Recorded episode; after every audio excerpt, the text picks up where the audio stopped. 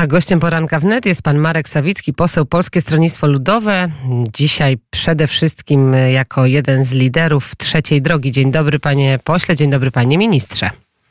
Dzień dobry, zawsze przede wszystkim jako jeden z polityków Polskiego Stronnictwa Ludowego. Dzisiaj rzeczywiście na listach trzeciej drogi, to prawda. To może na początek komentarz. Wczoraj e, najprawdopodobniej doszło do śmierci Ewgenija Prigorzyna, najbliższego, jednego z najbliższych współpracowników Władimira Putina. E, Z zaskoczeniem przyjął pan tę informację, czy jednak z spokojem i z, ze zrozumieniem narracji płynącej z Kremla?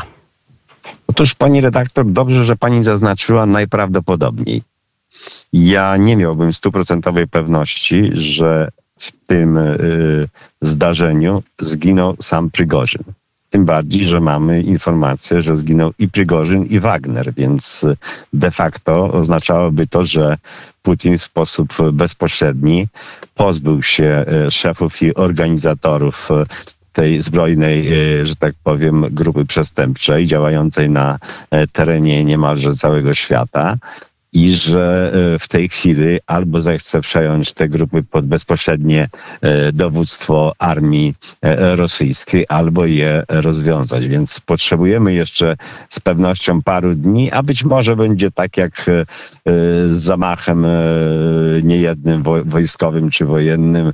Będziemy spekulować o tym przez kolejne pokolenia i do końca tych rzeczy wyjaśnić się nie da. Więc tu stuprocentowej pewności bym nie miał, że akurat tym samolotem leciał Prygorzyn i też bym nie wykluczał tego, że, że to Prygorzyn przygotował całe to zdarzenie i, i być może w tej chwili już gdzieś z jakiegoś afrykańskiego odległego państwa e, przygląda się temu i, i, i, i zmienia swoją tożsamość.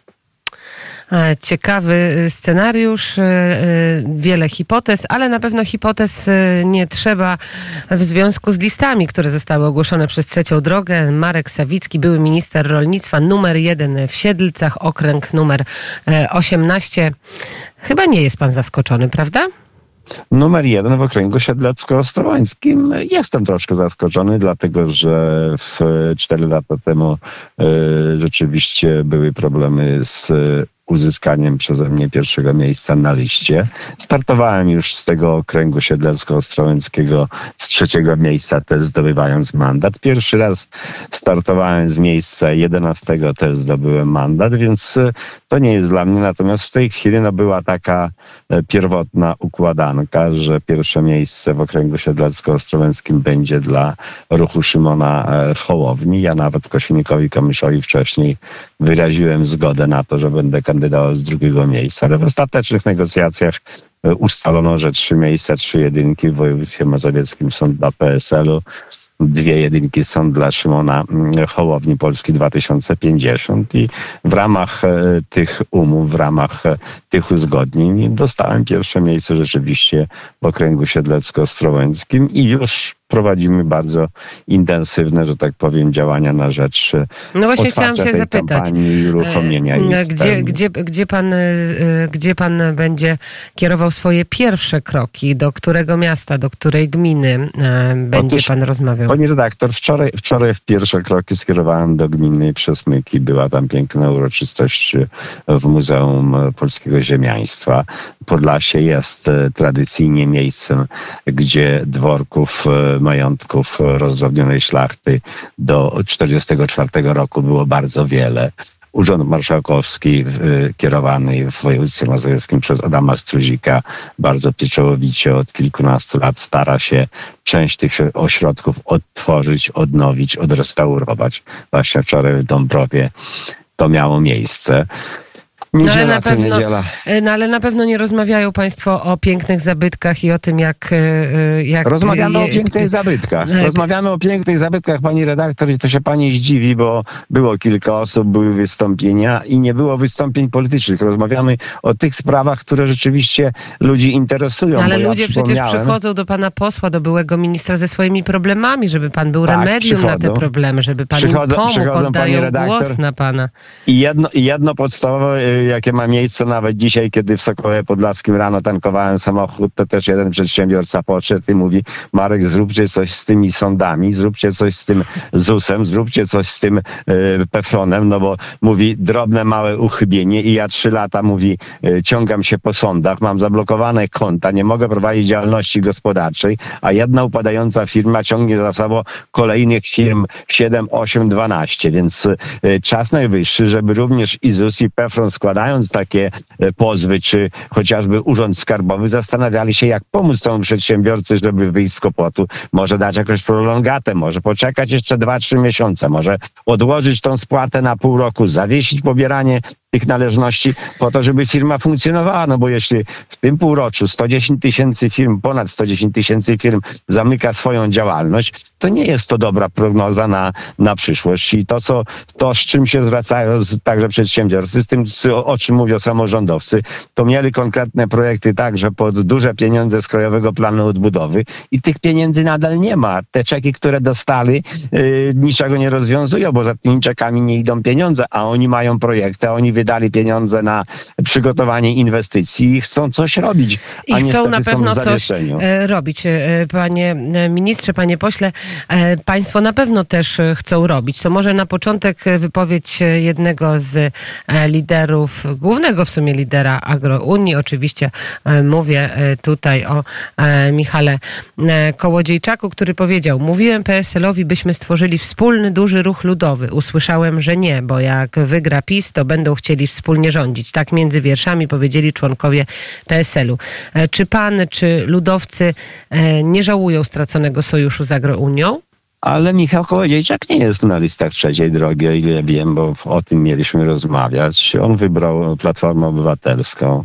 W pierwszej naszej rozmowie, którą ja, w której ja uczestniczyłem, był także Władysław Kosiniak-Kamysz, był także Piotr Zgorzelski, był także pan prezydent Materek pierwsze zdanie i pierwsza oferta, z jaką przyszedł do nas pan Michał Kołodziejczak, to było zapytanie, czy jesteśmy gotowi pójść na jednej liście y, wspólnej opozycji, więc odpowiedziałem mu, że ten temat zamknęliśmy y, już w styczniu tego roku i do niego nie wracamy. Możemy rozmawiać o starcie agrounii na listach Polskiego Stronnictwa Ludowego, ale nie możemy rozmawiać o powrocie do koncepcji y, jednej listy, więc jeśli pan Kołodziejczak chce robić szeroko rozumiany ruch ludowy w ramach Koalicji Obywatelskiej Zielonych e, e, czy, czy, czy inicjatywy Barbary Nowackiej, to oczywiście bardzo proszę, to, to, to jest jego wybór.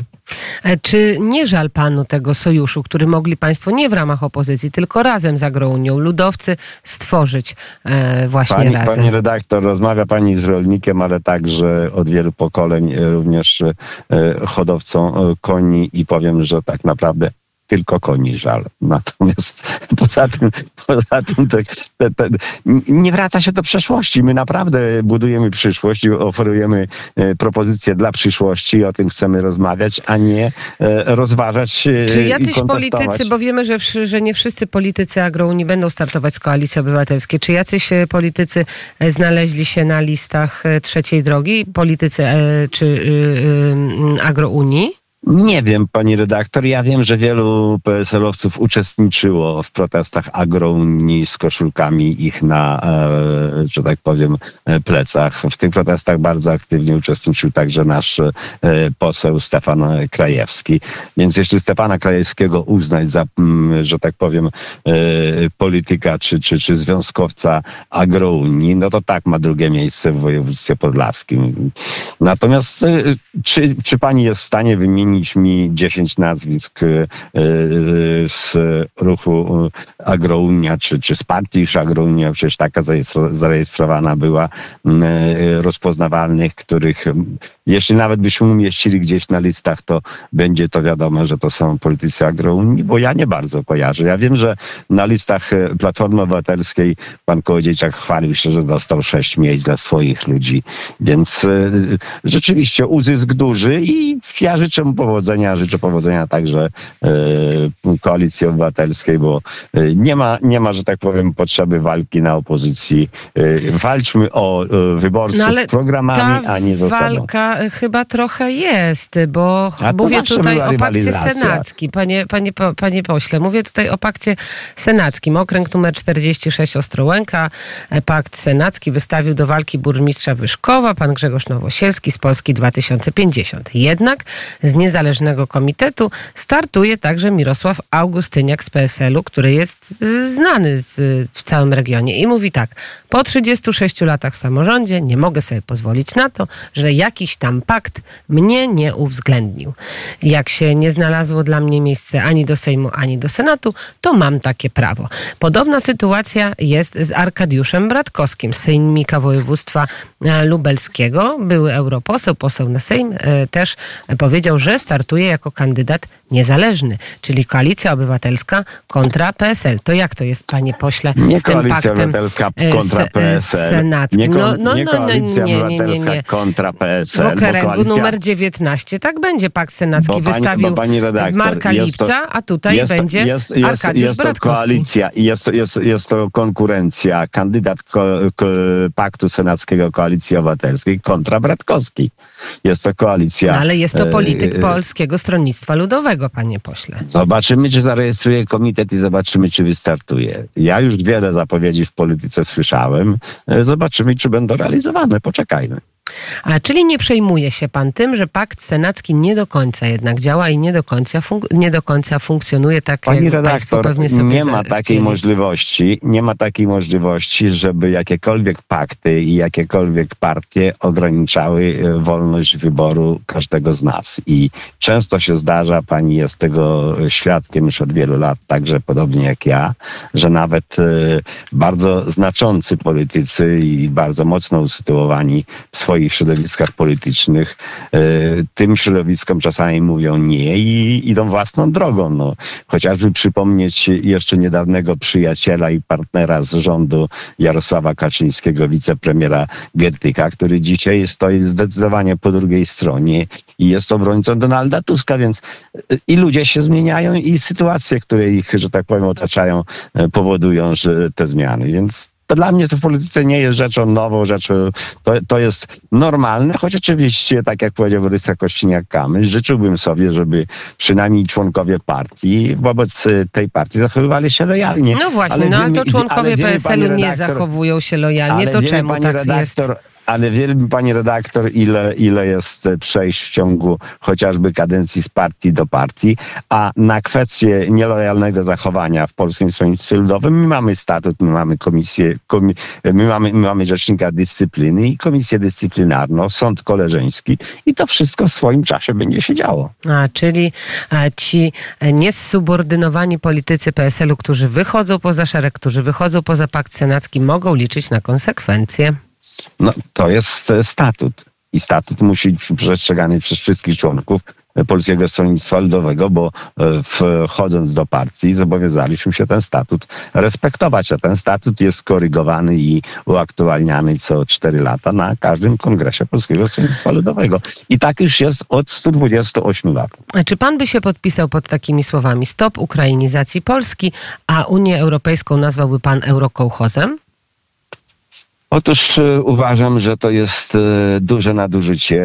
Ja nie obserwuję ukrainizacji Polski, ja obserwuję wielką otwartość Polaków na rzecz Ukrainy. Natomiast też zwracałem wielokrotnie uwagę, również w Radiu Wnet, że pomoc Ukrainie wcale nie musi oznaczać nieudolności i braku dbałości o polskie sprawy. I to dotyczy szczególnie spraw rolnych, bo kiedy w lipcu ubiegłego roku położyliśmy w Sejmie projekt ustawy o kaucji wwozowej, która by chroniła skutecznie polski rynek przed niekontrolowanym napływem żywności ukraińskiej, wtedy tę ustawę zignorowano. Dzisiaj rząd nieudolnie szuka sposobów na zablokowanie tego importu, ale mleko się rozlało, rynek został e, zdestabilizowany i jego uporządkowanie będzie potrzebowało ponadstandardowych działań. A takich słów użyła i między innymi angażowała się w takie akcje pani Małgorzata Zych. Pan zna panią Małgorzatę Zych, panie pośle? Wiem, wiem, do czego pani nawiązuje. Pani nawiązuje do działaczki Konfederacji, Tak która jeszcze jest. trzy tygodnie temu była aktywistką tego środowiska. A teraz I w tej kim chwili, jest? I w tej chwili wypełnia, wypełnia rolę kandydatki w pakcie senackim, ponoć zgłoszona przez e, Na e, pewno nasze zgłoszona w imieniu PSL-a e, przez pana z Piotra. Zgorzelskiego, pana No, dobrego przez- kolegę. Przez, przez pana Piotra Zgorzelskiego wskazana przez struktury regionalne, więc e, zobaczymy. No, właśnie. mam, mam, mam nadzieję, że e, wchodząc w to środowisko również uda nam się nieco zmienić e, kandydatkę. Natomiast nie ulega to wątpliwości, że państwo polskie nie poradziło sobie e, w ramach tej powołanej 24 czerwca 22 roku przez pana Ale premiera panie pośle, nie, ja Mateusza wrócę do tego. Mówi pan, że może. z- monitorowania rynku. Dobrze, y, mówi pan, że może uda się zmienić myślenie pani Małgorzaty Zych. To chcą państwo e, zmieniać myślenie, to nie ma jednego przekazu, to nie ma spójności w Polskim Stronnictwie Ludowym, to na tym etapie chcą państwo To nie zmieniać jest kandydatka myślenie. Polskiego Stronnictwa No. Ludowego i to nie jest członkini Polskiego Stronnictwa Ludowego. Ale będzie reprezentować kandydatka- państwa listę, panie ministrze. Nie naszą listę, to jest kandydatka zgłoszona do Paktu Senackiego i tam są politycy i y, kandydaci naprawdę o różnorodnych poglądach i jestem, wiesz, także, także wymieniana przez panią kandydatkę, której ja bliżej nie znam. I, i tyle, no. Trudno, trudno, żebyśmy y, oczekiwali od niej, y, że, że nagle coś się y, dziwnego z nią wydarzy, ale tak jak powiedziałem, mam nadzieję, bo zawsze tak jest, że i osoba wchodząca do środowiska i środowisko przyjmujące daną osobę nawzajem się zmieniają. No i jeszcze na koniec referendum. Referendum, które też zbliża się wielkimi krokami, tak samo jak e, wybory parlamentarne. Co pan sądzi na temat tych e, czterech e, pytań? No i jakie znaczenie przede wszystkim będą one miały e, na zbliżające się wybory? Będą miały ogromne znaczenie, bo taki był zamysł e, Prawa i Sprawiedliwości, bo przez 8 lat nie było żadnego referendum, żeby podnieść frekwencję, żeby spolaryzować nastroje pomiędzy PiSem a Platformą. To są pytania, e, które wyborcy już dawno rozstrzygnęli. To są pytania historyczne. Myśmy proponowali e, swoje pytania, właśnie między innymi to pierwsze pytanie, które Kośniak-Kamysz zgłaszał z trybuny sejmowej. Czy chcesz skutecznego zablokowania niekontrolowanego napływu żywności z Ukrainy? Tutaj była ze strony PiSu odpowiedź na nie. Czy chcesz e, emerytur i rent bez podatku i bez e, składki zdrowotnej? Tu także mamy odpowiedź na nie. E, Czy chcesz wreszcie odpartyjnienia państwa i, i, i powołania struktur, przywrócenia struktur administracji dotyczących chociażby służby cywilnej? Ale ja bym zadał jeszcze jedno podstawowe pytanie. Czy godzisz się na federalizację fiskalną Unii Europejskiej, jakiej dopuścił się Mateusz Morawiecki, wyrażając zgodę na zasoby własne Unii Europejskiej, czyli wspólne podatki, uwspólnotowienie długu, czy chociażby kwestie powiązania wypłat pieniędzy zbliżenie do określoną e, praworządnością. Więc tu naprawdę są ważne sprawy, które można by na przyszłość e, rozstrzygać. To są te kwestie chociażby dobrowolnego ZUS-u dla przedsiębiorstw, od, której, od którego rozmowę zaczęliśmy. I gdyby to pytania były dotyczące przyszłości, sam bym wziął w tym referendum udział. Czyli nie Natomiast- będzie pan głosował w referendum. Natomiast, pani redaktor, nie będę zniechęcał nikogo do brania udziału w tym referendum. Polacy są mądrzy i powiem szczerze, też nie będę uczestniczył w jakiejś szczególnej kampanii zachęcania. To jest, gdyby to było referendum uzgodnione e, w Sejmie, także z dopuszczeniem jednego, dwóch pytań e, proponowanych przez opozycję, to oczywiście byliśmy, jestem gorącym orędownikiem e, demokracji bezpośredniej, bo mój projekt w Sejmie leży od 21 roku o dniu referendalnym. Pierwsza niedziela września, dzień referendalny. Rozstrzygamy ważne sprawy, co do których politycy nie mogą się zgodzić w kwestiach europejskich, krajowych, lokalnych. I to byłoby rzeczywiście święto demokracji bezpośredniej. Natomiast tu mamy połączenie e, referendum z wyborami. Nie po to, żeby dowiedzieć się, co ludzie sądzą o zadanych pytaniach, bo 95% ludzi, e, e, że tak powiem, ma jasny pogląd z tym wyrobiony. Ja osobiście także. Więc nie, nie, nie, nie miałbym problemu z odpowiedzią na te pytania. Natomiast problem polega na tym, że one mają służyć odwróceniu dyskusji od tych tematów, od których zaczęliśmy, ale więc od chociażby problemów przedsiębiorców, a zająć się y, podziałami historycznymi, głównie między Platformą a PiSa. Będziemy jeszcze na pewno na antenie rozmawiać na ten temat. Marek Sawicki, poseł PSL-u, a dzisiaj także Trzecia Droga. Dziękuję za rozmowę, panie pośle. Dziękuję, pozdrawiam.